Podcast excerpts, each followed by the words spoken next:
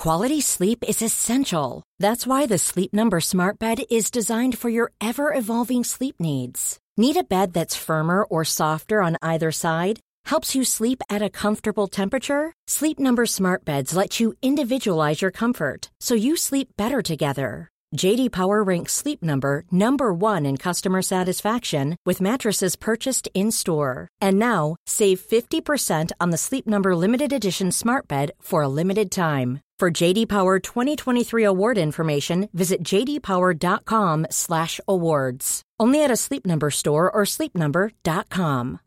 Here's a cool fact a crocodile can't stick out its tongue. Another cool fact you can get short term health insurance for a month or just under a year in some states. United Healthcare short term insurance plans are designed for people who are between jobs, coming off their parents' plan, or turning a side hustle into a full time gig. Underwritten by Golden Rule Insurance Company, they offer flexible, budget friendly coverage with access to a nationwide network of doctors and hospitals. Get more cool facts about United Healthcare short term plans at uh1.com. Hallå! Simon Gärdenfors jag och snart börjar min podcast Arkivsamtal. Den 6 februari så headlinar jag TS Kaos i Stockholm.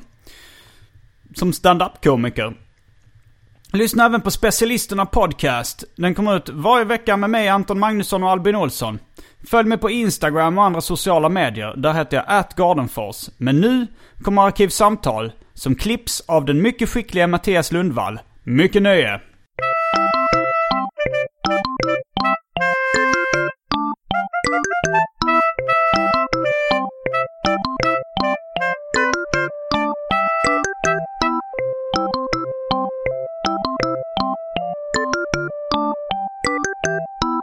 Hej och välkomna till Arkivsamtal. Jag heter Simon Gärdenfors och mitt emot mig sitter Ola Söderholm. Hej hej, kul att vara här. Det är kul att vara här. Vi sitter i Lilla Drevets gamla studio. Ja exakt, är mitt kontor här på Triangeln i Malmö. Men vi har inte spelat in här på ett tag. Men, Eh, Så att eh, eh, vi har bytt till Malmö musikstudio nu. Så Mm. det, har, det har inte använts på ett tag. Men det är kul att det kommer till användning igen det här. Ja, synd att slänga. Mm, precis. Det är andra gången du eh, medverkar i Arkivsamtal. Eh, ja, eh, det stämmer ja. Det Kan stämmer. man kalla det förra avsnittet för något av ett skandalavsnitt? Eh, ja, exakt. Jag blev liksom lite utsatt för näthat efter det. Jag tar de här lurarna. Eh, att eh, jag... man ska väl inte överdriva det. Det, det, det kanske är att och devalvera betydelsen av ordet skandal. eh, Mm, och, och och pumpa upp det av ja, näthat också för den delen. Men det var ändå en tre, fyra tweets kanske. Det är ganska jag såg. mycket ändå. Alltså Ja. för jag antar att du inte utsätts för så mycket eh, negativ kritik. Nej, annars. exakt. Man, det, det, jag tänker att det ska ganska mycket till ändå om man så ska klaga på, på det där viset. Att eh, man kanske tyckte att något var lite trist, men jag tror inte man orkar skriva det då. Men, Vad skrev folk då? Ja, men det var nog mest så här att eh, det var lite så här snipiga kommentarer. Att eh, om du är inbjuden till en podd då kan det ju vara trevligt att bjuda till lite grann. kan du tänka på nästa gång kanske. Det lät, lät som att det är någon lärare i mellanstadiet som, som ger den kritiken. Ja, precis. Eh, Det, det är sån eh, jobba med skuld snarare än ilska kritik Ja. på något sätt var det. Eh, ja men påminner lite om det här, eh, du förstör även för dem som, du förstör inte bara för dig själv utan även för dem som vill lära sig någonting. Just det. Eh, Den typen av kommentarer. Mm. Men jag har pratat om det här med din kompis Jonathan Unge Okej. eh, i ett tidigare avsnitt. Och då så, alltså han jämförde det med en klassisk intervju med artisten Nordpolen i någon morgonsoffa. Ja, Ja, där programledaren, vem det nu var, Jen- Jenny Strömstedt eller vem det var. ja just det. Han sitter och de försöker eh, fråga honom om hans musik. Mm. Och han kan inte sätta på ett fake-leende i 12 minuter och vara lite säljig. Utan Nej, han, och, och de, hon lackar väl på honom till slut och säger så här att eh, eh, nu har du tackat ja till det här. Då, Mm. då får du ställa upp. Liksom. Eller då får du bjuda lite på dig själv.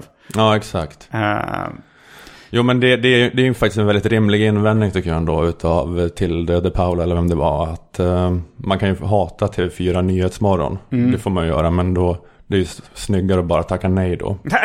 alltså nu blev, det ju viral, nu blev han ju viral. Så det, om Mm. det nu var planerat så var det ju väldigt eh, smart och snyggt. Jo, men för så har jag också fått eh, lite respons på min förra medverkan i Arkivsamtal. Att folk har sagt till mig att det var bra också faktiskt. Tror jag lite av den anledningen att... Så eh, var det planerat av det för att det skulle bli viralt.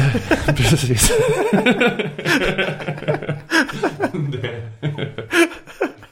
Det är väldigt, det är väldigt väldigt- risktagande. Det är väldigt är stor väldigt- risk att det där inte blir viralt. Ja, Nej, jag har gjort... ja, nej, det blev verkligen en sån... Ett, ett Nordpolens stunt i det lilla som jag gjorde här. Som har engagerat åtta poddare. Fem blev arga, tre tyckte att det var lite coolt. Grejen var, grejen var att du var bak, bakis liksom. Ja, Eh, exakt. och jag, idag är jag lite bakis, men jag tror, jag tror att det är en ganska positiv bakfylla. Att det inte är den här, eh, man vill bara vara för sig själv. Utan jag tror att det kan Mm. vara den här positiva, lite fnittriga bakfyllan. Okej, ja. Jaha. Men det, det återstår att se. Det, sånt kan ju svänga snabbt också. Ja, precis. Ja, men jag tror att jag var... Jag vet inte, för det var vissa som sa till mig att de ty- tyckte att det var lite bra för att det blev något som blev lite real av att jag var så eh, sänkt och på något vis, eh, jag vet inte, att jag suckade så djupt och sådär och var så himla trött och inte kunde vara med och spela boll och sådär. Så att det, så att det är liksom, eh, att jag ändå eh, liksom utstrålade något äkta i det. Så att det Ja. blev en, en ändå sån riktig känsla av det. Det finns ju också det här klassiska Per Morberg är bakis i någon Metro-intervju och lackar ur lite halvt. Ja, Känner du till den? Eh, nej, uh, tror jag inte. Nej. Det var ju då förmodligen att han var bakis som var problemet. Eh, och att han då är kanske inte världens trevligaste person Nej, i det. övrigt heller. Nej. Men, men det var nå- något sånt där, de frågade så här. eh, Ja, nu har ditt tv-program flyttats eh, från riktiga TV4 till eh, eh, TV4 Play eller vad det var. Just eller, det. någon, eller någon så här. Någon, och, så, och så säger han, jag skiter i vad de visar. Det. Jag skiter i den här intervjun. Jag har aldrig fattat varför man ska prata. Alltså så han tycker liksom att tv-programmet och skådespeleriet är uttryck i sig. Sen ska man inte behöva prata om att man har skådespelat. Jag har hatat den här situationen sen, sen jag gick på scenskolan eller någonting säger han. Och så... Och sen eh, lackar han och hugger tillbaks på varje fråga. Just det. Så kommer jag ihåg att han var inbjuden till uh, Virtanens program senare. Och då så frågade då Virtanen om dricker du för mycket? För att det kändes som en sån typisk alkisbeteende där. Och liksom var, Ja, ja. och han, men han då försökte ju vända det till och säga det är klart man kan vara surgubbe. Men jag tyckte det var ännu sämre av journalisten att publicera det här, de här svaren. ja, jo exakt. Ja, det, det är ändå där, det är ändå där han som väljer att sprida det vidare. Men det, men det är ändå någonstans bjussigt då att eh, våga få ett utbrott på något sätt. Då har man ju ändå levererat på något vis liksom. ja. Jag tror att kritiken mot mig var att jag kanske blev lite som en mussla på något sätt. Snarare. Jo, det var, jag, jag såg mest då några som skrev kommentarer på min blogg. Då stod det så här bakfull eller inte. Man kan väl eh, försöka vara lite trevlig i alla fall. Eller något sånt där. Mm, mm, just det. Eh, också någon förälder slash lärar eh, inställning känner jag. Ja, ja exakt. Jag, jag, jag minns faktiskt inte så mycket av det. Jag var, jag var verkligen, alltså bakfull, det låter så här, ja men det- det är man väl lite när som helst. Men jag, jag, var, jag hade, tror jag, varit riktigt full tre kvällar i rad. Så att det var en sån... eh, Det var en avtändning på Ja. alkohol. Ja, precis. Att man har sån kemisk ångest verkligen. Aha, okej. Och eh, sen så, det är nog också så, om jag ska vara 100% ärlig, att jag är kanske inte riktigt lika bra som vissa andra på den här grejen med att eh, den här flödesradiosituationen som man kallar det på Sveriges Radio. Ja, du är ofta ganska förberedd när man Ja. har dina prator. I, både i Lilla Drevet och Novemberpodden. Februaripodden. Februaripodden. är det vanligt att folk säger subtil härskarteknik här. men, eh, nej men jo men exakt att jag gillar att så här, eh, jag gillar ju att radioprata med att jag gillar att ha ett ämne som jag har valt själv och vara förberedd. Så att, eh, så jag, jag, att jag, jag vet inte, jag, jag, jag kan tycka att det är lite så här, jag är lite för överjagig kanske på något vis. Kan jag känna för att vara så här skön i den här, alltså morgonpasset, radiosituationen. Jag säger inte att det här är exakt det. Det var exakt det du sa. men, eh, men eh, så att, Men sen så tror jag att det, och då kan man tänka sig, ja den är, jag är lite svag och bakfull, att det skulle få mig då att eh, kanske släppa lite på garden. Eh, att det skulle kunna få den effekten, Mm. hade man kunnat tänka sig. Men jag tror att det, att det blev motsatt när jag var här då förra gången. Att jag blev så här rädd av att nu är jag så himla svag och eh, jag, jag, överkompenserade för det liksom. Att eh, skärp dig nu, skärp dig nu. Så att jag blev mer utav garden uppe på något sätt. Ja, men jag, vi, vi, alltså, när vi träffades, vi, vi har ju träffats bara lite då och då sådär. Mm. Ja. Eh, och liksom kanske aldrig, aldrig så här hängt direkt. Nej, nej. Och, jag, och när du kom då i lägenheten och jag fick ändå så här intrycket av att så här, ah, du eh, tycker inte så jättebra om mig. Alltså det var ändå en sån, eh, ett sånt intryck. Eh, sen efter det när vi liksom, jag, jag för mig då, efter ditt näthat och sånt så har jag ändå märkt att du kanske har ansträngt dig lite mer för att le när du hälsar på mig och så. jag vet inte om det är medvetet, undermedvetet eller bara jag som tolkar fritt från ingenting alls. Men eh, Ja, precis, nej, ja, jag vet inte. Jag, jag har inte, det, det kanske är, det är undermedvetet så. Jag har inte riktigt, jag har inte det här uppe på, på medveten nivå, att jag planerar det så. Nej. Men det, ja men, men det, jag var nog, men alltså, det var nog mera, det var nog ganska mycket så att jag inte tyckte om dig så mycket då, men det var nog att det också det var inte att, att, att, du inte tyckte om mig. Ja men när jag kom där på morgonen så Okej. tyckte jag nog inte om dig. Men, jag tror inte, men det handlar ju inte om dig så mycket. Det var mer att jag inte tyckte om någon jag hade träffat då. Utan, och jag tyckte liksom inte om mig själv. Utan jag hade bara behövt eh, vara, vara liksom ensam i ett Ja, mörkt okej. rum i en 8-10 timmar. Ja, så då var det inte en feltolkning. Nej. Men, eh, men, men sen så kommer jag ihåg att jag hörde på någon av de här under produktion-roastarna. Eh, som finns släppta på Spotify. Kan varit Kringlands, kan varit Emma Knyckares. Jag vet inte om du var med på båda. Nej, jag var med på, bara på Emmas. Okej, men då var det den. För då är det någon som uh, roastar dig. Och säger så här att du har inte förstått själv att folk uppfattar dig som dryg och arrogant. Eller något liknande. Eh, det var liksom vinkeln på det. Att, att, eh, att det var en allmän sanning då att du uppfattade som dryg och arrogant. Men och sen så var det någon som hade tagit upp det med dig och då så var du helt oförstående. Ja, precis. Ja, och, ja. För jag, jag, jag vet att jag kan uppfattas som dryg och arrogant eh, ibland. Men det, det, det har jag förstått liksom. Det, det tror jag inte alltid jag gör av alla heller. Men, men jag, det kommer inte som en kalldusch när någon säger det. Nej, nej men visst. Jag, jag, jag, jag, jag fattar också att det, eller jag har också förstått att det var det så. Och att, eh, Förstod du det efter den här roasten eller innan? Nej men det har jag nog förstått sen tidigare att, att folk kanske frågar så här, varför är du så sur liksom. Fast man Ja. inte är sur, att, att man är en sån människa. Eh, lite grann. Eh, och eh, jag vet inte, ja.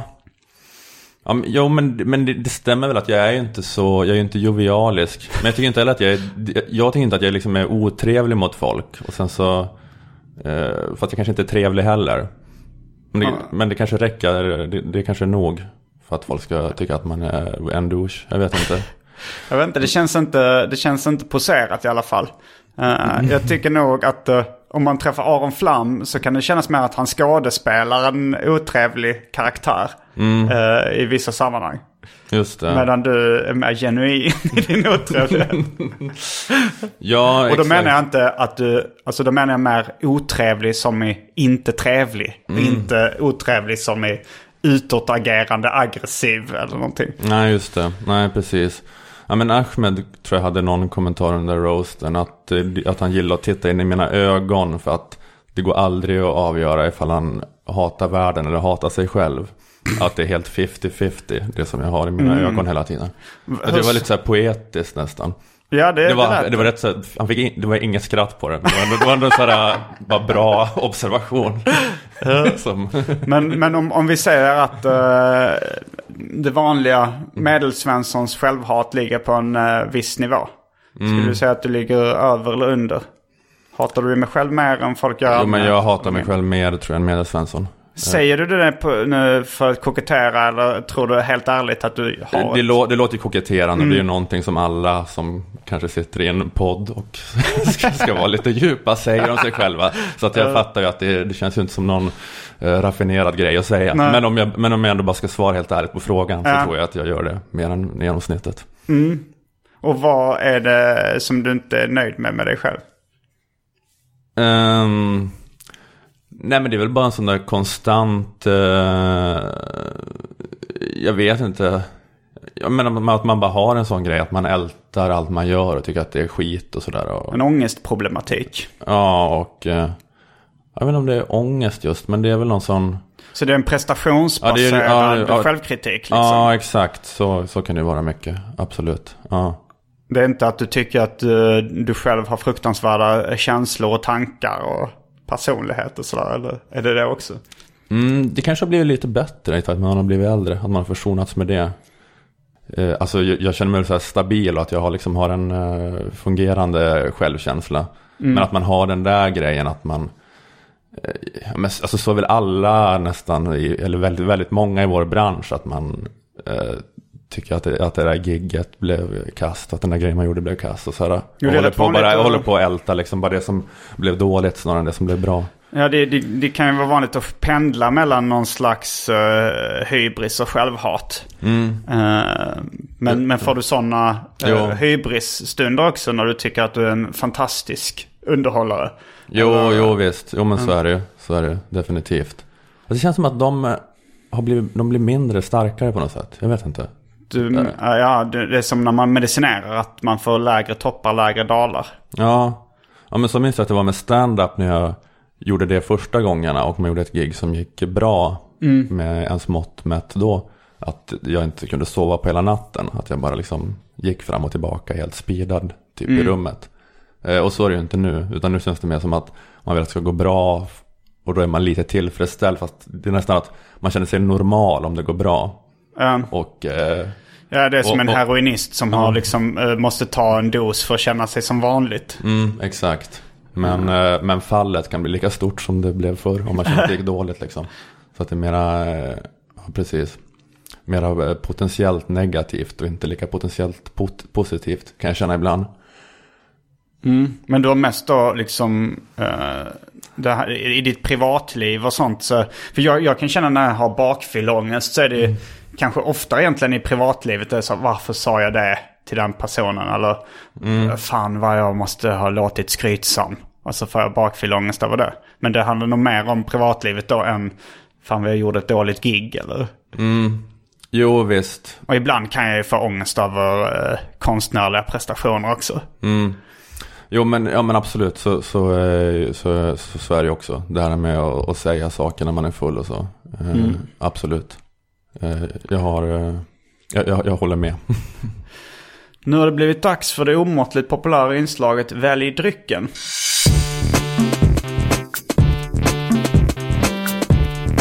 Jag tror vi börjar med det fasta inslaget Välj drycken! Det är ingenting som jag kräver att uh, när, när jag gästa någon och spela in hos någon annan så uh, jag har ju inte ens sagt att det borde finnas ett stort urval av drycker. Nej, Men det borde du ha förstått själv. jag vet, jag vet. Nu när du sa det kände jag att fan jag borde ha åkt och köpt folköl eller något i alla fall. Det finns ingenting förutom vatten eller? Jag vet inte, vi kan kolla, det kanske finns... Ja, det, det skulle fan kunna finnas eh, lite eh, snaps här tror jag. Oj, oj. För att eh, det var en julfest här på kontoret. För de som... Då kastar vi oss in på det hyfsat nya inslaget Europas sämsta cliffhanger. Okej. Då får cliffhanger bli urvalet av drycker. Då är vi stra- strax tillbaks med urvalet av drycker och eh, resultatet i Europas sämsta cliffhanger.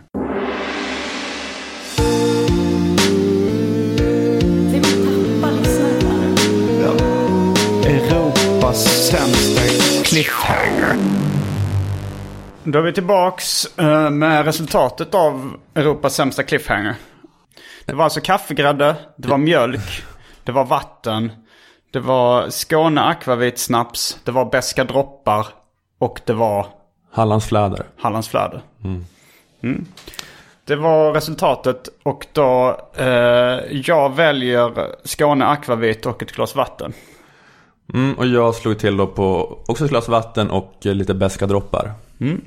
Och för att spara lite tid så har vi eh, redan tagit med oss drycken. Just det. Så då kan vi börja.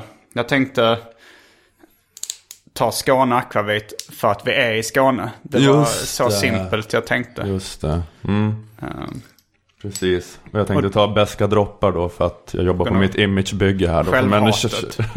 ja, eller att jag är lite sådär kärv och utstrålar någon sån eh, allmän fittighet kanske. Du är lite läsk. lite besk, precis. Minns du tidningen Salt? Eh, Samhällskritik ur ett salt perspektiv eller något liknande. Det var, Ah. det var en så väldigt höger, eh, just det. högervriden tidskrift som fanns runt millennieskiftet i några nummer. Ja, just det. Ja, Eh. det känns eh, lite muffigt sådär. Eh, eh, men jag vet inte egentligen vad man menar när någon är salt. Är det att man är lite bitsk?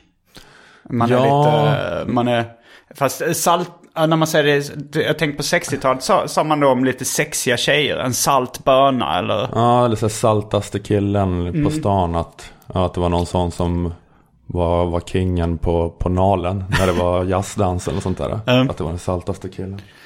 Men apropå, jag tänkte på själv, för, alltså så här, att eh, de, dels använder folk självhat lite för att kokettera. Men jag har även märkt att det är någon form av ursäkt ibland. Alltså så här som, eh, det var någon eh, intervju då med, jag tror det var Annika Lantz i P3 som skulle sätta dit Fredrik Virtanen. Eh, när han hade tagit någon tjej på, en, på röven. Tafsat på någon på en, någon fest. Okej, Och så- det var med, hon tog upp det i radio alltså? Ja, och det kändes som verkligen så att hon hade bjudit in honom lite eh, oförberedd på att hon skulle ta upp det. Och sen bara så droppade hon bomben så här. "Eh, Ja, förresten så tog du min kollega på, på rumpan på den här eh, eh, festen. Så här, Varför gjorde du det? Och då så sa han, skyllde han på självförakt. Mm, just det. Okej, och det... Och nu konfronterar du mig här för att jag var här i arkivsamtal förra gången och liksom skyllde på men, självhat. mentalt tafsade på dig och besudlade dig. Och sen så, Nej, nej, sen jag, bara, jag bara jag tänkte på eh, just den grejen när vi började snacka om det. Det är faktiskt ingen koppling till dig just i det här Nej, nej, sammanhanget. nej, utan det var okej. bara eh, intressant att jag tänkte att, att man kan skilja, skylla sitt tafsande på självförakt. Jag förstod inte riktigt Mm. hur det eh, gick ihop. Alltså att eh, om man nu hatar sig själv, tafsar man på någon annan då för att man hatar sig själv så mycket så att nej, det går inte ihop i mitt huvud riktigt. Nej, precis. Jag är så dålig så att jag förtjänar det här. Tafsa på någon. eller, eller jag vet inte. Jag förtjänar att bli hatad kanske då. Ja, exakt. Det är mer, det är så mer så här självhat, tänker man då, om man har ett sånt destruktivt beteende. Att det handlar mer om att bli tafsad på och sen ta på sig skulden för att Ja. man blir tafsad på. Att det är mer så man brukar säga kanske. Ja, ja, men- ja det var en eh, nyskapande ursäkt. Och den kom rätt spontant. Mm, vad, vad har du på gång för tillfället? Jag vet inte, Nej, det är, det är ungefär som vanligt att det pågår med att jag ska göra poddar. Jag ska göra den här februaripodden nu igen om några dagar ska vi spela in. Mm. Den har legat lite på is. Eh, Och sen ska jag köra stand-up. Och så gör jag Lilla Drevet. Och eh, jag vet inte fan, jag, jag har hållit på lite grann och jobba med så saker som verkar rinna ut i sanden tyvärr. Alltså, det, jag har hört jag lite på februaripodden och eh, bara lite allmänna rykten om eh, vad, vad ni har för föreställningar på gång och sådär. Och eh, vad, vad jag förstått det lite som har ni blivit lite impotensbrandade. Att eh, jag har hört något avsnitt av februaripodden som handlar om, handlar mycket om impotens och, och Viagra och, och sådär. Ja, vad var det avsnittet som hette Viagra eller? Kan ha varit det. Alltså jag tror jag har hört kanske två, tre avsnitt och det var väl... Men det, det var väl ett genomgående tema ganska lång tid. Jag vet inte om ni fortfarande... Eh, jo men ja, jag vet inte exakt vart vi fortfarande är med podden för nu var det så länge som vi gjorde ett avsnitt. Men jo men det har ju varit så att vi, vi pratade om impotens i, ja, men, i de flesta avsnitt, avsnitten har vi gjort det. Så att det, vi kan, ja, jag, jag kan inte klandra folk för att de har brandat oss så. Nej. Nej. Eh, nej, det skulle vara som att jag eh, klagade på att jag blev förknippad med droger efter alla Las Palmas låtar som handlar om droger. Nej precis, Men, man får eh, hacka i sig det. Eh, Men jag kommer ihåg också Johannes Finnlaugsson snackade i någon podd om att han hade varit på en av era föreställningar. Och att det då, eh, liksom, han hade tittat i publiken och att det var liksom något av impotensfandom. Att det var kanske så här par. eh, och så satt eh, en kille där och när ni började prata om impotens så la eh, tjejen i pratet en stödjande hand på sin pojkvän. Ja. Pojkväns lår kanske och, och, och, och liksom kanske lutade huvudet mot honom. Att det, det, det så här, att de, de har liksom kanske haft problem då med impotens i sitt parförhållande. Och sen så går det här på den här showen med, med killar som vågar prata öppet. Om, ni pratar ju öppet om impotens men det är ju inte så, eh, det är inte så självutlämnande. Det är inte så, det är inte så här mycket historier, vad jag har hört. Jag kan, på de avseendena. Ja, det var lite så, men, nej, men det är mycket mm, att jag har läst böcker och sådär. Du pratar, du går som katten kring het gröt. Precis, det där var. Ja, För man, man gissar ju till sig då att du har haft eh, en problematik. nej, nej, du det har inte haft bara, det? bara helt teoretiskt intresse. bara, bara valt det här som, mitt, som min besatthet, men det är helt... Eh, eh, Ja men, ja, men precis. Jo, men det är väl ett... Det är, det är väl olika sätt att närma sig på. Närma sig det på. Det närmar sig Mm. självbiografiskt berättande. Ja, Att gå det igenom att berätta massa fakta kring. Ja exakt. Det, Så, när, så när du bara, idag har vi tema hiv. Om du en gång liksom har fem specialavsnitt så då skulle man ju kanske misstänka då att du var hiv-smittad. Ja, exakt. Att det är, ja, precis. Jag, jag, jag fattar ju att det kan bli spekulationer i de riktningarna om man gör tio jättelånga poddavsnitt om impotens. Att, att, eh, att folk kan börja ställa sig, ställa sig frågan varför. Var, var kom det här intresset ifrån? Um, Mm. Jo, jo, men det är väl rimligt. Ja, ja okej. Ja, vad fint att eh, Jo- Jofi hade sett det. du har själv inte tänkt på det? Ja, men jo, men lite har jag ju märkt ändå att jag har haft något slags genomslag. Att jag har fått här, stå ibland med fulla killar på krogen som står och skriker i mitt öra om sina liksom olika problem och om, sitt, här, om sina porrvanor kanske. Vi hade också ett eh, långt avsnitt om eh, porr. För att det är liksom en, det är en sån här eh, hypotes till varför unga män har problem med impotens. Är att de drabbas av porrimpotens. Att de har så här, tittat för mycket på porr. eh, Ja. Och eh, Och blivit inte- bedöv, bedövade i sina dopaminreceptorer och sånt där. Och då kan de Ja, inte få ja. liksom eh, stånd av normal stimuli. Men det här är liksom sån kvacksalvarvetenskap. Att det är olika Mm. sådana... Anekdotisk Ja, bevisföring? precis. Och det har ofta rötterna i olika kristna amerikanska rörelser. Som håller på Ja, med sina ja, ja. skräckpropaganda. eh, Om hur porren så här förintar våra hjärnor. Finns det någon, eh, finns det någon liksom pålitlig statistik kring porr? Eller eh, vetenskapliga undersökningar hur det påverkar människor? Eller är det... Alltså de som har gjorts, som jag har sett, har liksom inte kunnat visa det där att det påverkar hjärnan. Alltså på samma vis som eh, drogmissbruk påverkar hjärnan. För att det är det, det, är det de, vill leda, kunnat- nej, det nej. är det de vill leda i bevis att det är samma sak. Ja. Att, eh, eh, men, men alltså för att man, man får ett så här dopaminpåslag liksom. Ja. Eh, och, eh, men det får du av allt som, alltså du får av att äta god mat eller av att höra en låt du gillar och så vidare. Får du Mm. Här eh, dopaminpåslaget. Och det får man såklart också av att titta på porr till exempel. Men, men skillnaden med att supa eller knarka är ju att, eh, att eh, du blir mer och mer bedövad. Och det krävs mer och mer liksom eh, hela tiden. Och, Jo, jag- att, att, en, att, alltså att en hjärna som har utsatts länge, ifall, ifall du har en helt frisk hjärna och en tjackpundares hjärna och ger dem lika mycket tjack, då börjar det lysa och blinka i den friska personens hjärna. Men den, den bedövade människan behöver mycket mer för att det ska lysa och blinka, så att säga. Ja. Om man har en sån eh, röntgen på hjärnorna. och, och den liksom utvecklingen kan, har man inte kunnat se med till exempel sex och porrmissbruk. Att, att, det skulle kunna, att det skulle vara en grej, att det skulle, vara, att det skulle kunna klassas som missbruk på samma vis. Nej, men jag har läst en liknande undersökning fast om eh, chili.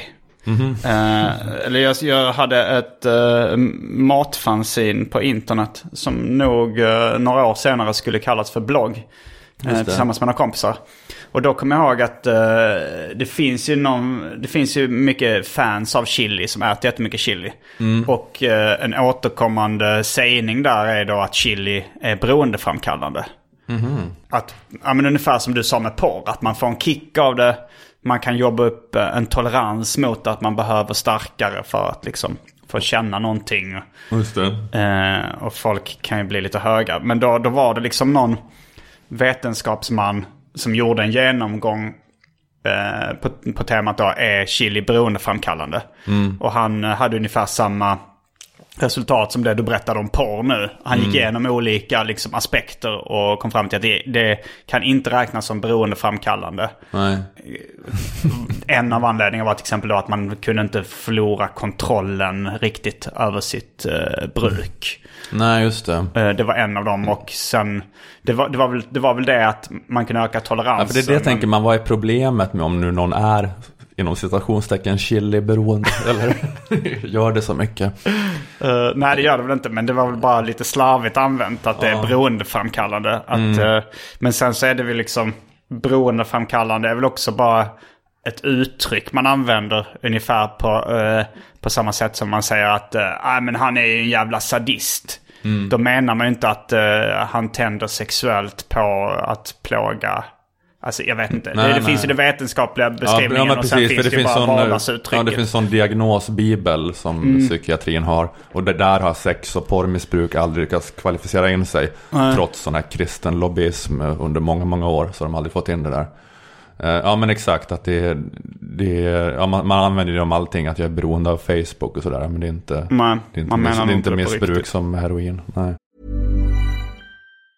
Hey, I'm Ryan Reynolds. Recently, I asked Mint Mobile's legal team if big wireless companies are allowed to raise prices due to inflation. They said yes. And then when I asked if raising prices technically violates those onerous two year contracts, they said, What the f are you talking about, you insane Hollywood ass? F- So to recap, we're cutting the price of Mint Unlimited from $30 a month to just $15 a month. Give it a try at mintmobile.com slash switch. $45 upfront for three months plus taxes and fees. Promo rate for new customers for limited time. Unlimited more than 40 gigabytes per month. Slows. Full terms at mintmobile.com. Ever catch yourself eating the same flavorless dinner three days in a row? Dreaming of something better? Well, HelloFresh is your guilt-free dream come true, baby. It's me, Kiki Palmer. Let's wake up those taste buds with hot, juicy pecan-crusted chicken or garlic butter shrimp scampi. Mm.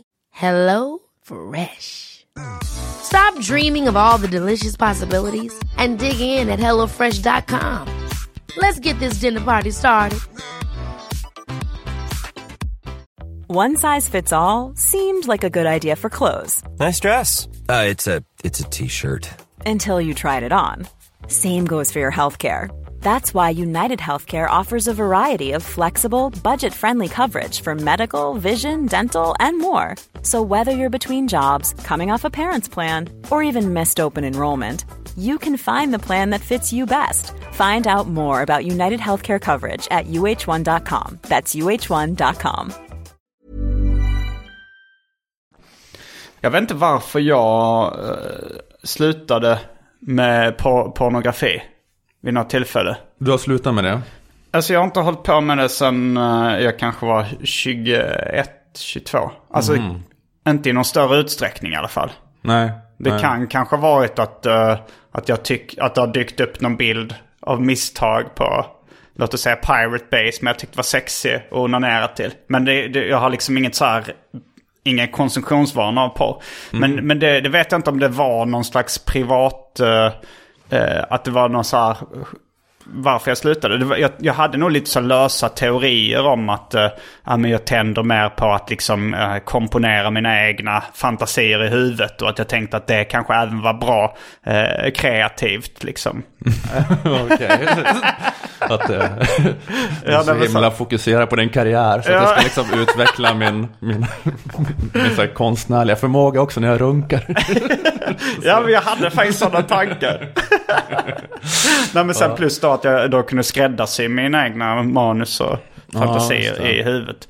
Och, och sen så var det väl säkert en, en lite sån här uh, förnumstig uh, unge i mig som sa och så tränar jag mitt kreativa tänkande samtidigt.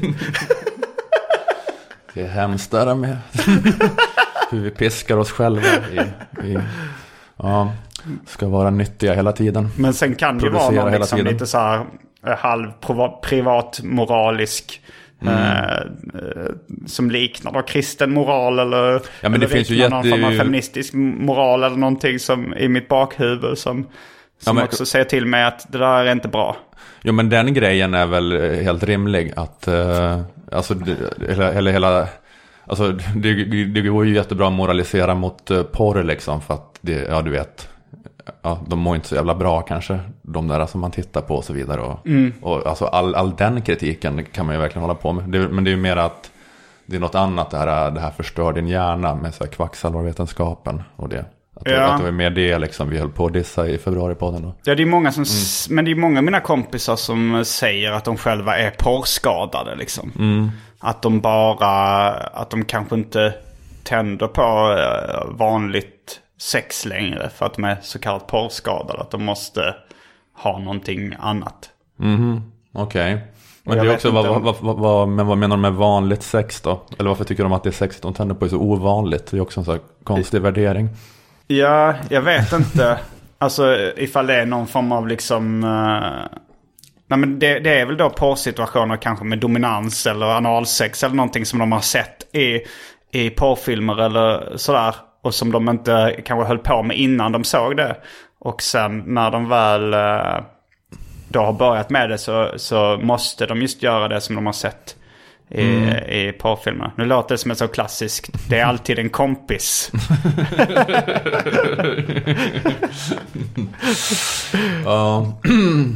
Ehm, Men du har läst mycket nu, du har läst på då om, eh, ja, men, så, eller du har, du har hittat artiklar som sågar. Ja, alltså det finns ju liksom så här...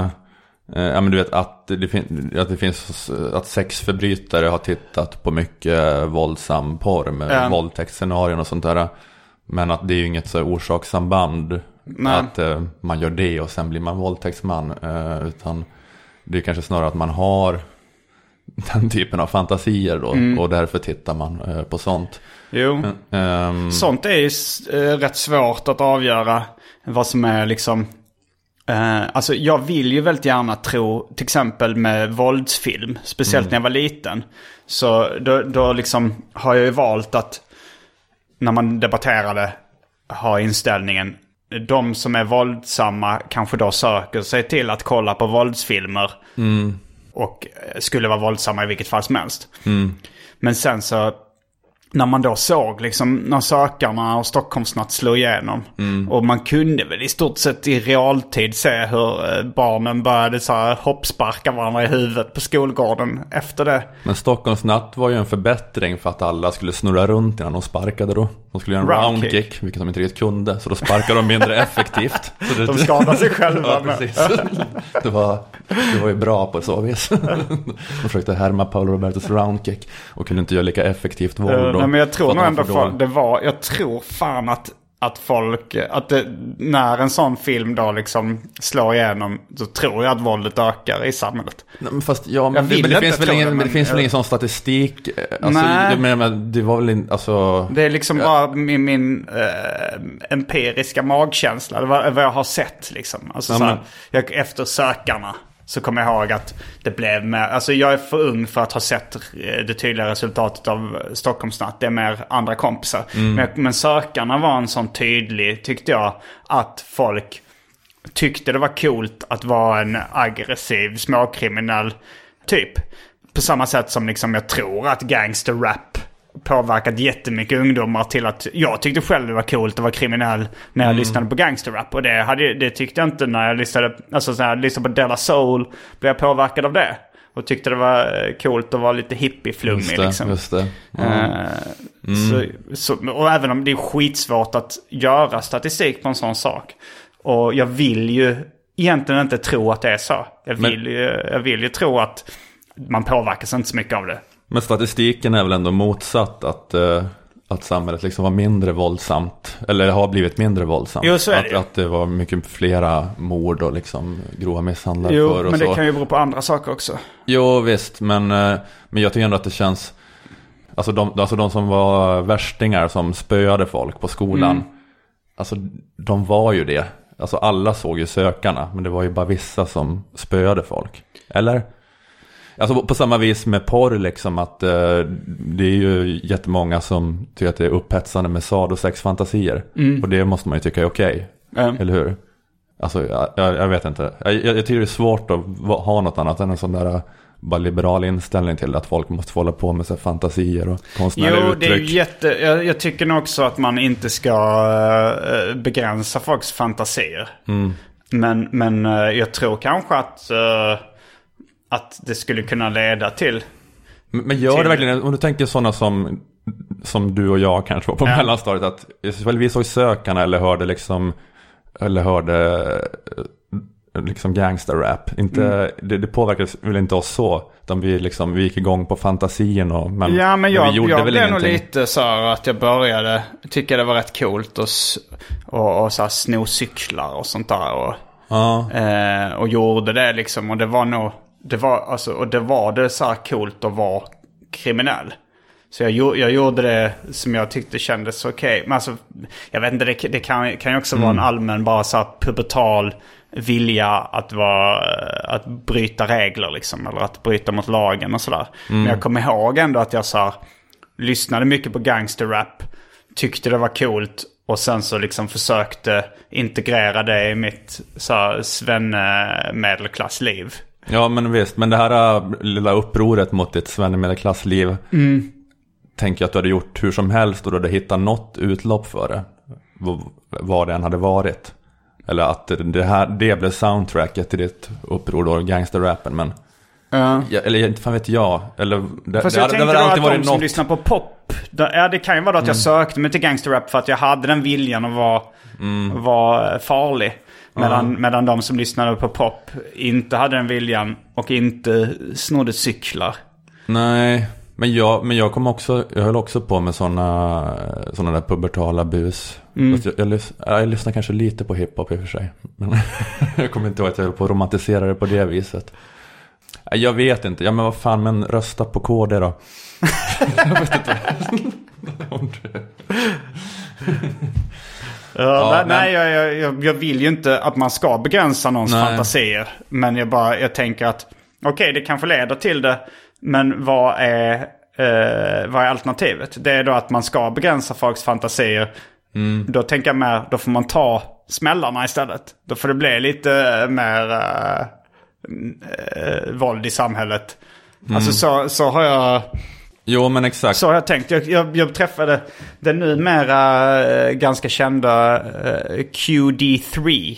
Eh, alltså Quincy Jones den tredje. Som nu, jag vet inte om han är idoldomare den här säsongen.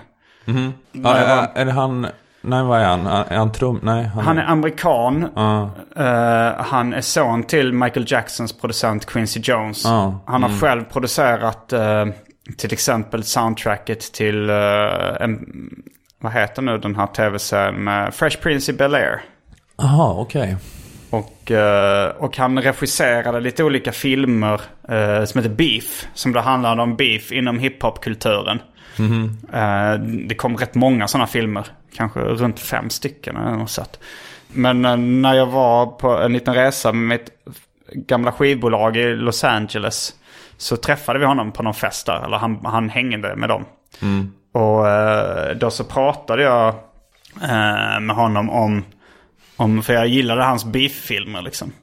Och så sa han, ja eh, men jag har slutat göra sådana. För att jag märkte att folk började tycka det var coolt med beefs liksom. Att, för det, det handlar ju även om sådana där folk hade skjutit varandra liksom på grund av eh, olika konflikter. Och han sa, men man märkte att folk ville vara med i de här filmerna. De tyckte det var coolt, det var ett sätt att marknadsföra sig. Ah, och okej. det ledde till mer våld. Ah. Liksom, och han tänkte, jag vill inte eh, vara en del av det. Jag vill inte Okej. liksom bidra till mer våld. Han skapade liksom en karriärmöjlighet genom sina filmer. Han skapade bara ett incitament för dem att, att lajva beefs liksom. Och, Ja, det kunde man nog. Och då fick man liksom, okej, nu den här senaste beefen, då är det en marknadsförings... Och plus liksom, ja, det är ju ett sätt att få uppmärksamhet. Eh, även om det bara är liksom eh, låtar som dissar varandra så får du uppmärksamhet via det. Men, men det var ju ofta det ledde till fysiskt våld också. Eh, men då så kom jag ihåg att vi hade en diskussion med honom att jag sa att jag tror att liksom gangsterrap, hela den kulturen har lett till mer kriminalitet i samhället. Jag tror att det har lett till mer våld och mer kriminalitet. Men jag tycker det är värt det. För jag tycker att underhållningen har ett värde i sig. Och, och plus att friheten har ett värde i sig. Att liksom om man skulle nu förbjuda det så hade det blivit, för jag älskar ju den underhållningen. Jag tycker ändå blir jättebra. Jag gillar många liksom filmer som innehåller våld. Eh, så jag tänker att det är priset man får betala Ja. för det här. Att, att liksom konsten måste få ha ett pris. På sam och en, en jämförelse som jag kanske upprepat så många gånger att det blivit lite tjatig är då att det är väldigt få som ifrågasätter eh, trafikens pris. Att, eh, att till exempel om, jag hade en diskussion med, med min storebror till exempel då att om han åker med sin familj till Tosselilla sommarland. Då riskerar han ju att skada eh, folk i trafikolyckor, skada sig själv. Bara för en liten nöjesresas skull liksom. Just det. Men det är väldigt få som säger så här, man, det ska inte finnas någon trafik förutom i livräddande eller liksom den typen av syften. som vill förbjuda nöjestrafik helt. Ja, Och då, och då underförstått så, så säger man ju så här, trafiken får ha det priset och får ha det här antalet dödsoffer och det här antalet eh, skadade. Och så tycker jag att eh, konst, kultur och underhållning också ska fungera. Att man, man, får, man får räkna med lite svinn så att säga. Att det är så att det blir kanske lite mer våld i samhället på grund av gangsterrappen. Men eh, det, det får man ta, det är sådana smällar man får ta. Och han, han sa, det hade han aldrig tänkt på. Han, det, var, det var en, en ny tanke för honom. Ja, exakt. Jo, men, eh, ja, men jag håller med om det. Att, eh, eller jag är inte säker på att jag håller med om att det är så att det leder till mer våld. Men även om det gör det så är det värt det. Okej, för att, eh, ja precis, att, att det ändå är värt att det ska vara fritt. Men, eh, men man kan ju fatta det i och för sig i hans fall då ifall han märker att, eh, att där börjar det bli så här konstigt att han hetsar dem till det. Att han skapar någon slags, konst, det blir som wrestling då på något vis. Att de så här iscensätter draman Ja. på grund av att han eh, producerar de här filmerna. Och Men är det kanske man bara kan känna äckel inför det. från din si- sida att liksom våldsamma filmer inte skulle leda till mer våld i samhället? Jag tänker så här, när jag... När eh, min brorsas barn läser Krakel Spektakel köper Mm. en klubba. Då vill de direkt äta godis. Och hade Mm. de läst en annan bok så hade de inte blivit sugna på godis. Eh, för det romantiserar godis liksom. Eh, och det, det känns som vara en klassisk eh, orsak och verkan tycker jag. Det, det är så här, okej det där ser lite kul ut att slåss. Då går vi ut och slåss lite. Nu blir jag sugen på godis för jag såg en, en bok som handlar om det. Då går jag och köper godis och äter det. Ja, men, men alltså det är väl ändå så att, alltså att det viktigaste anledningen till att det, det minskar med våld och kriminalitet, alltså det är ju bara, ja, det, det låter så tråkigt att säga, men det är ju såklart bara då att man har ett fungerande samhälle där det inte är värt det för folk att hålla på och vara kriminella, utan att de har så här, liksom rimliga chanser. Jo, det är Eh, förmodligen genom- det som har gjort att, att våldet har minskat. Mm, Sen var det den här Men- men- men- klassiska men som jag sa i Freakonomics. eh, Med, har du, det här med abortteorin. Har du hört om. Nej. den? Eh, nej men det var då att det var en eh, extremt stor minskning i USA av, uh, av våldsbrott. Mm. Eh, det kanske var runt 90-talet. Okej. Och, och de, de liksom hade olika teorier om varför det skulle vara så.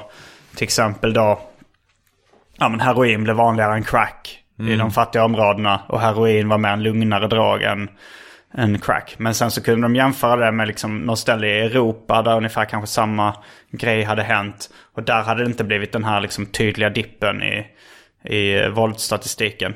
Våldsbrottsstatistiken. Och, eh, och de hade någon teori om eh, att polisen gjorde, tog hårdare tag. Öka, och, men sen kunde de också liksom jämföra det med andra länder eller andra ställen där, där de hade gjort samma sak och det hade misslyckats.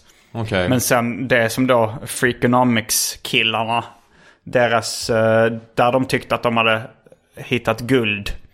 Det var då att eh, när abort blev lagligt i, eh, i USA.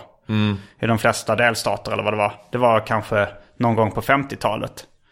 Och då 20 år senare när de här barnen som inte blev adopterade. De barnen som blev adopterade blev vuxna och hamnade i den mest kriminellt aktiva åldern. Då var de borta. De som skulle då vara oönskade barn. Ja, okej. Man har eliminerat de oönskade barnen. Ja, att det var de oönskade och- barnen som stod för eh, en väldigt stor del av kriminaliteten. Okej.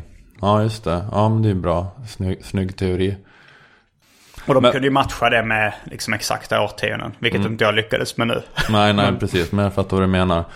Ja, Ja men att det finns eh, alltså massa sådana anledningar till att kriminaliteten minskar. Eh, Mm. men, då, men då sk- skulle man ju kunna säga att, eh, eh, jag menar att det, det är massa våldsfilmer men de minskar kriminaliteten. Men det kanske har med andra saker att göra. Men du Ja. skulle säga då att om vi inte hade haft våldsfilmer så hade det minskat ännu mer. Ja, så tror jag. Okej. Ja. Jag tror att man nog skulle kunna... Alltså det är klart att man kan... Det, det är lite som uppfostran eller någonting. Det är klart att eh, du kan uppfostra ett barn. eh, Tror jag. Alltså så här, du, kan, du kan bättra på ett barn. Ett barn som då skulle... Som kanske har en, eh, en lite kriminell hjärna liksom. Som oavsett uppfostran kommer begå brott och kommer vara våldsam. Tror jag säkert att du kan minska den, den ungens eh, hur han blir genom uppfostran och genom hur, liksom, social påverkan. Men, men jag tänker att det är, eh, alltså anledningen till våld tänker jag, eh, alltså oftast är någon slags här, eh, ändå antagonism liksom. Att, eh, att det handlar om något här, materiellt intresse man har. Och att man vill ha något man inte får. Man har människor... Antagonism. Ja, men att man hur du kopplar upp det med Ja, materiellt. men jag, menar, jag menar det här att man... Jag menar att folk bara är våldsamma. Folk ser liksom en våldsam film och blir våldsamma. Mm. Alltså det är så få som är så, som är bara så här sadistiska. Alltså det är ju, den typen av brott är ganska ovanliga. Alltså När bara- någon bara sparkar ner någon på stan Ja. helt oprovocerat. Ja, precis. Alltså som det- det cl- cl- Clockwork Orange brotts... Ja, eller, eller, ja, men det var det jag tror ökar med den typen av... Alltså jag tror att de så här, oprovocerade våldet ökade då liksom när sökarna var en trend i Sverige. Så tror jag att det oprovocerade våldet ökade. Mm, men jag menar, men... eh, ja, kanske. Fast det, men jag tänker att det våldet är en så liten del av allt våld. Alltså... Mm, jo, det jag, jag, menar en de här, alltså, om man säger att det är mycket så här, kriminella gäng i Malmö. Mm. Och de kanske håller på och begår våld på olika sätt. Men det är ju att, jag menar, att de rånar folk och... Mm. Men alltså de håller ju inte på och så här, lustspöar folk eller? Nej, men det kan ju Eh, också vara att, så här, att eh, om de lyssnar på gangsterrap och kollar på, på, fil, på filmer från amerikanska, alltså så gettofilmer. Mm. Att de romantiserar gängkulturen liksom. Och, eh, och jag kommer jag läste den här boken, så här, Svensk maffia, om då svensk gängkultur och sånt där. Och jag kände ändå, nu var jag vuxen och läste den, men jag kände fan det är spännande alltså. Man blir lite sugen på, på den världen, även om, om, även om jag då liksom förstår, alla de här våldsfilmerna har ju ofta ett sånt budskap. Stockholmsnatt och Sökarna har ju någon slags så här, men titta så det gick, som, så, som det gick i slutet. Så budskapet är på något sätt, du ska inte leva det här livet för att det eh, kommer gå åt helvete. Men sen det är inte det, det är, barnen lyssnar inte på det örat. De ser ju det, det fräsiga och, och tar till sig det. Ja, precis. Men det, det handlar väl om hur bra alternativ man har. Men Jo, menar, för, för, sådana som dig och mig så hade det varit ett helt orimligt alternativ att leva ett sånt eh, liv. Mycket mer stressfullt än det vi hade Ja. lagt framför oss. Om man nu inte har oss. en sån, här, en sån spänningssökare som... Det finns säkert de... Det, har, det har jag hört i eh, Krull och kriminell, Bobo Krulls podcast. Att det fanns ju liksom folk eh, med, från en övre medelklass bakgrund, trygg. Eh, som söker sig till den kriminella världen bara för att de har låg MAO-halt eller liksom vad man nu säger eh, är spänningssökare. Vill ha ja. kickarna av spänning liksom. Och, eh, och alternativet är en vanlig trygg utbildning på Handels eller vad fan som helst. Men att de ändå eh, börjar smuggla större mängder kokain. Ja, just det. Ja, precis. Men, men jag tänker liksom att det, att det alltid har funnits och att... Ja, jag vet inte, det, det är möjligt att... Eller ja, det, det, det låter bara så präktigt och dumt. Men att alltså den stora... Eh, alltså, alltså det som har en avgörande betydelse är väl liksom bara...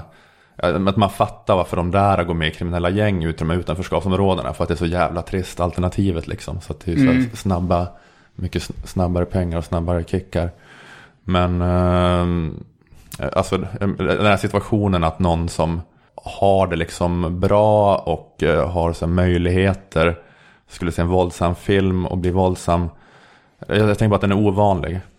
Ja, det är nog, men, men jag tror säkert det kan vara en liten pusselbit i det stora hela. Ja, Och, och det är någonting som jag har fått, eh, eh, fått erkänna för mig själv. För min spontana, jag vill ju inte att det ska vara så. Jag vill ju att man, så här, man påverkas inte alls av det. Och, Om vi kan säga att man det är påverkas lite grann då. Lite, Ja. lite på marginalen. Men det är så jävla värt det. Jo, jo, det, det håller jag med om. Mm, vad tyckte du om beska dropparna? Um, jo, men jag tyckte det var rätt trevligt ändå. Ja, det, var det är lite- trevligt. Men det hade ju varit mycket godare egentligen att dricka en godisshot. Skulle jag nog säga. Är det inte lite så här för, för att vara lite tuff som folk dricker beska droppar eller? Ja, jag tycker ju inte att det hade varit eh, godare med en godisshot. Du tycker inte? Nej, men, jag, men det, det är svårt sånt där med, med, med smaker. Inte ifall jag liksom har skolat mig själv då till att, att eller att man har fått lära sig att det är tufft och vuxet och, och så vidare. Sen så Ja. har ens eh, smak anpassat sig efter det så att jag på riktigt tycker det också nu. Att det känns härligare med det här än, än något eh, sött och sliskigt. Ja, besk lär vara den eh, sista smaken man uh, uppskattar. Mm. Jag läste även att eh, gamlingar, jag tror det var i boken Nu äter vi av Jenny Damberg. Jenny Damberg heter hon nog förresten. Där de pratar om så här att eh, unga människor gillar stekt och grillad mat. Medan gamla människor mer gillar kokt mat. Det, det är svårt att leva mig in i liksom när jag, om jag då själv skulle börja gilla hellre en, en kokt potatis än en stekt potatis. Alltså den här stekytan är ju god liksom. Men att man inte vill ha, man vill inte ha så kryddstark mat. Nej. Man vill knappt ha några kryddor alls. De på ålderdomshem vill de bara ha, alltså tänk bara ren potatismos utan salt eller utan kryddor. Just det. Eh, kokt eller... Och någon sån här vit fisk och Ja. vit sås kanske. Så att det Jag har, smakar har väldigt svårt lite. att förstå att, att, det, att jag någon gång skulle hamna där. Detta stekta känns lite skarpare att äta på något sätt. Att det känns Jo, lite det så är här vassare i magen. Så att de vill bara ha väldigt sånt. Jo, ja, men det var nog som samma sak så hade jag väldigt svårt att förstå när jag var liten. Hur man kunde hellre vilja dricka en öl än en läsk. Alltså jag kommer ihåg när jag började dricka med mina kompisar. Och vi liksom pressade i oss öl så sa jag ändå, så sa vi så här liksom. Ja men tänk om det här bara smakat som Coca-Cola. Och alla höll ju med om att det hade man mycket hellre druckit liksom. Men där har du väl skolat dig själv Mm, till, att, till att älska öl? Ja, jag, är rätt, jag är rätt bra på att skola mig själv ändå till, till att börja gilla grejer. Eh, Ja men det där minns jag verkligen, alltså den kampen och, och sänka folköl. Mm. Att, eh, jag jag kommer ihåg att jag så drack med kompisar som var lite mer erfarna och hade bara lärt sig det där. Och att jag kände att hur jag liksom försökte få i mig en öl snabbt. Och man kände att man nästan så här vill spy upp det direkt. Att det Ja. bara bubblar i hela kroppen. Och att jag så här, la mig på rygg på en gräsmatta några sekunder bara för att hämta mig. Jo, det är rätt svårt. Men jag har ändå märkt att jag har lite mindre respekt för människor som inte skolar sig överhuvudtaget. För det finns ju ändå folk som, som aldrig har ambitionen att lära sig att tycka om någonting. Nej, och det. det, provocerar mig lite. Alltså folk som, som tar, smakar lite på alkohol till exempel och säger jag tycker inte om smaken av alkohol. Och sen så aldrig mer testar det. Nej. Eller samma sak med koriander eller eh, saker som är acquired taste. Det är väldigt mycket så minsta motståndets lag över sådana människor. Att de, är dåliga på uppskjuten behovstillfredsställelse. Det är sådana som inte skulle klara av marshmallow-testet. Kanske. att eh, att jag, jag vill inte liksom kämpa och lida lite grann för att eh, nå en större njutning sen. Men sen så är det nu kanske också en ursäkt lite för eh, folk som är lite så här präktiga och s- när man var tonåring var mer liksom på lärarnas och föräldrarnas sida. Att de kanske sa så här, jag tycker inte om smaken av alkohol. Men egentligen så handlade det om att eh, de inte eh, ville bryta mot det som de vuxna sa att de skulle göra. Nej, just det. Alkohol blir ett specialfall då för att det Ja. är ju en sån kär, Och kär, öl är kär, också- kär, kär smak som de vuxna inte vill att man ska hålla på med. Men det är ju många, när det gäller mat, kommer jag ihåg att jag var rätt mycket ett sånt präktigt barn som ville, ville kunna ha sån vuxen eh, smak. Att eh, jag äter inlagd sill liksom med de vuxna fast jag är liten. Och jag kanske gillar senap och jag menar, olika sådana grejer som barn inte gillar. Att jag hade att Jo, jag, att jag var lite jag lillgammal och präktig satte lite ära i och, och kunna Jo. äta sånt när jag, Jag var låtsades 11. att min favoritläsk var Grappo för att den var lite svårdrucken. Ja, exakt. Och, och den typen av barn inte- alltså jag är ganska snäv i, i eller jag är ganska snäv i vad jag accepterar. Mm. För jag stör mig också på sådana barn som jag själv var. Ja. Som skulle vara lite... eh, Så här, åtta, Brådmogna. åtta, åtta säger att ens favoritårstid är hösten. att det är så vackra färger. Sånt vidrigt barn. var du det du var? Ehm, ja, men jo, nej, jag, jag, jag tror att jag, jag, jag höll på så här, alltså jag, gillade ju sommaren bäst, gjorde ju alla såklart. Det var ju lov och det var varmt och så. Men jag tror att jag höll på att säga att jag gillade vintern bäst för att jag åkte längdskidor. Aha. Och, och mycket då influerad av min pappa som älskade längdskidor och ville att jag skulle göra det. Så det var nog lite sån eh, fjäska från vuxna grej. Mm. Att jag, jag gillar att vara där ute liksom i elljusspåret och Men jag har harva, harva längdskidor. eh, Men nu även i vuxen ålder så är det så att jag blir anklagad eh, av mina kompisar ibland för att vara citat rebell mot mig själv. Då kan det vara något sånt där att, eh, eh, att någon hör en, eh, en liksom jättedålig låt på radion. Jag vet inte. Va, vad, är, vad skulle du säga som du har hört på radio som är det töntigaste du har hört på sista tiden? Jag lyssnar inte på radio. Nej. Um, vad menar du? Bara någon sån töntig radiohit som Ja. är alltså typ Base Hunter fast det var många år sedan. Men, Ja, eller be, något du, må, sånt. du måste uppdatera din töntighet-referens. Lilly och Susie. ja, det, var, det var en anspelning på ett av dina skämt där du säger Therese i drömhus som din snygg tjej-referens. Och sen just så har du en tag. Jag måste upp, uppdatera min snygg tjej-referens. Nej, men jag, jag tror det Ja, var faktiskt... eh, det var just Ja. eh, exemplet eh, som, som var då när jag satt i en bil. Det är kanske lite smalt men det var ett band som heter Jack Moy och Glöden. Okej. Som alla i bilen då fick en väldigt äcklad min. Det var någon sån här bredbent, eh, poppig gitarrrock. Ah, okej. Som var, jag tyckte ju själv var vidrig. Men jag satte mig då in i en situation där jag tänkte så här.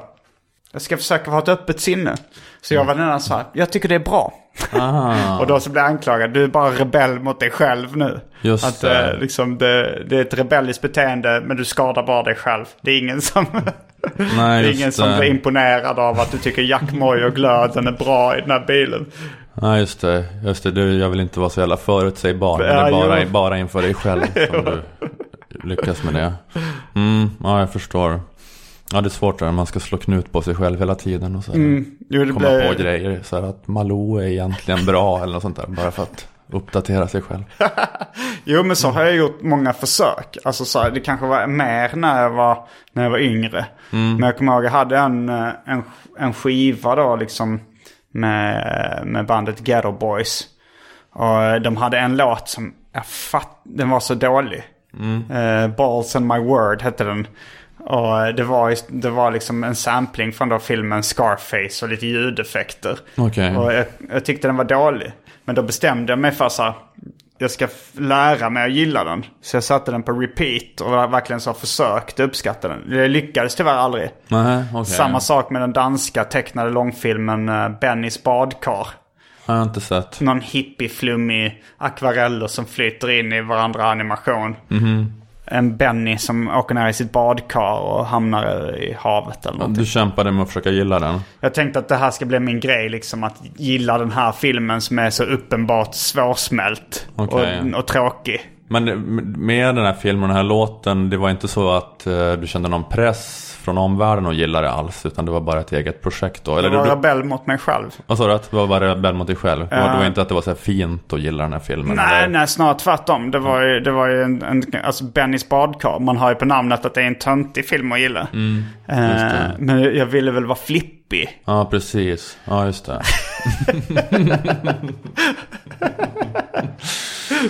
ja, exakt. Och, Ja, men det, ja, men det det är han där... som, jag ville att folk skulle säga. Och det är han som alltid kollar på Bennys badkar. Ja, Vad är det för film? Ja, det är en jättetråkig, konstig dansk tecknad eh, flumfilm liksom. och så tänker man, fan vilken flippig jävel.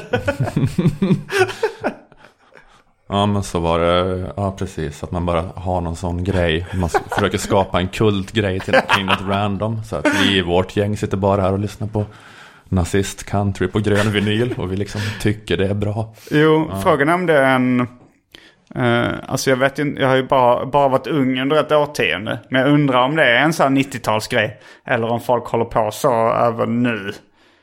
Eller för det känns, jag får intrycket av att det var vanligare på 90-talet. Att man skulle liksom eh, ha en, en smal alternativ, flippig, konstig grej som man snöar in på. Och att det var jävligt coolt. Ja, man tänker att det borde finnas nu också, men eh, ja, precis. Det, men det, det är väl så allmänt med, eh, ja, det har många pratat om, men med hela klickonomi-grejen och så vidare, att det, det är att, ja, att man har en känsla av att det var coolt att vara indie och alternativ på 90-talet och att eh, alla verkligen är en del av den här klickonomi-logiken idag. Fast det, Men det kanske inte är så. Fast det blev ju lite så jag tänker, även om, fast det kanske blir större idag. Om man Mm. tänker den här eh, Pineapple Pen. Har Mm. du sett den? Det, det är någon eh, korean eller japan som, eh, som gör någon så här eh, konstig sång. I got an apple, I got a pen, pineapple pen. Mm. Och så är det en lite flummig melodi i bakgrunden. Okej. Men att den, och den blev liksom viral för att den var lite knasig. Är det som en musikvideo? Ja, fast mm. den är ju den är ju bara tre minuter eller två minuter eller en minut eller något sånt där. Men, och, den, och den lyssnar ju folk på för att den är flippig. Mm. Det är kanske lite mindre investering än att se en och en halv timmes Bennys badkar. Just det. Eh, och kolla på, men, men jag tror det är lite samma grej att det är så här, det är kul för att det är, det är sjukt och det är flippigt och konstigt liksom. Ja, just det. Just Men, det. men det har ju blivit lite mainstream, just den grejen. Ja, det är så lätt att vara lite flippig för att det är bara Mm. olika klipp som flyger runt och alla kan så här, ja precis, man behöver inte vara så devoted som du var när du gick och fixade den där filmen och, och Jag spelade in den på VHS. Och så Mm. tänkte jag, och jag skulle ju tråka ut mina kompisar också. Så nu ska vi kolla på Bennys badkar. Och så satte jag igång den och så ty- tyckte de det var jättetråkigt. Just det. Och jag tyckte också det var jättetråkigt. Precis. Sitter och försöker hålla upp energin. Vilken grej va? Då sitter vi och kollar på det här. Sjukt där. Så ska det pågå i 90 minuter. Om man, ja. Och det var ingen som någonsin eh, eh, som sa... Jo, i och för sig jag fick väl ett rykte om att vara lite konstig. Så Ja, jag nådde det. Mm. väl ändå mitt mål. Liksom.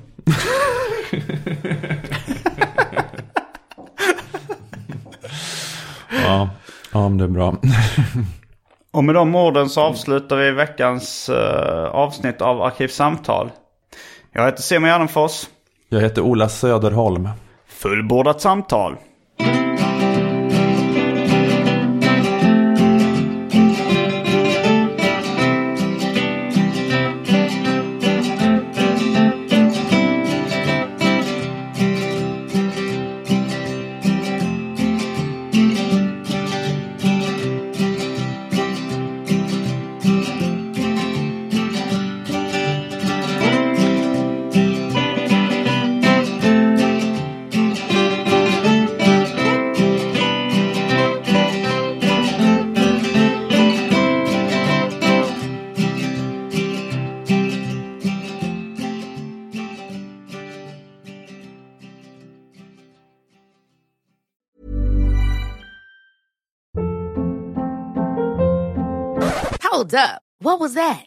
Boring. No flavor. That was as bad as those leftovers you ate all week. Kiki Palmer here, and it's time to say hello to something fresh and guilt-free. Hello Fresh. Jazz up dinner with pecan-crusted chicken or garlic butter shrimp scampi. Now that's music to my mouth. Hello Fresh. Let's get this dinner party started. Discover all the delicious possibilities at hellofresh.com.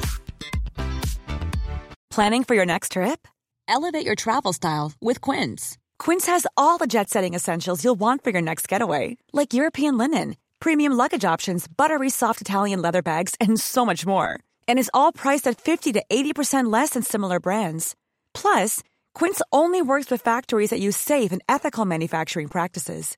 Pack your bags with high-quality essentials you'll be wearing for vacations to come with Quince. Go to quince.com slash pack for free shipping and 365-day returns.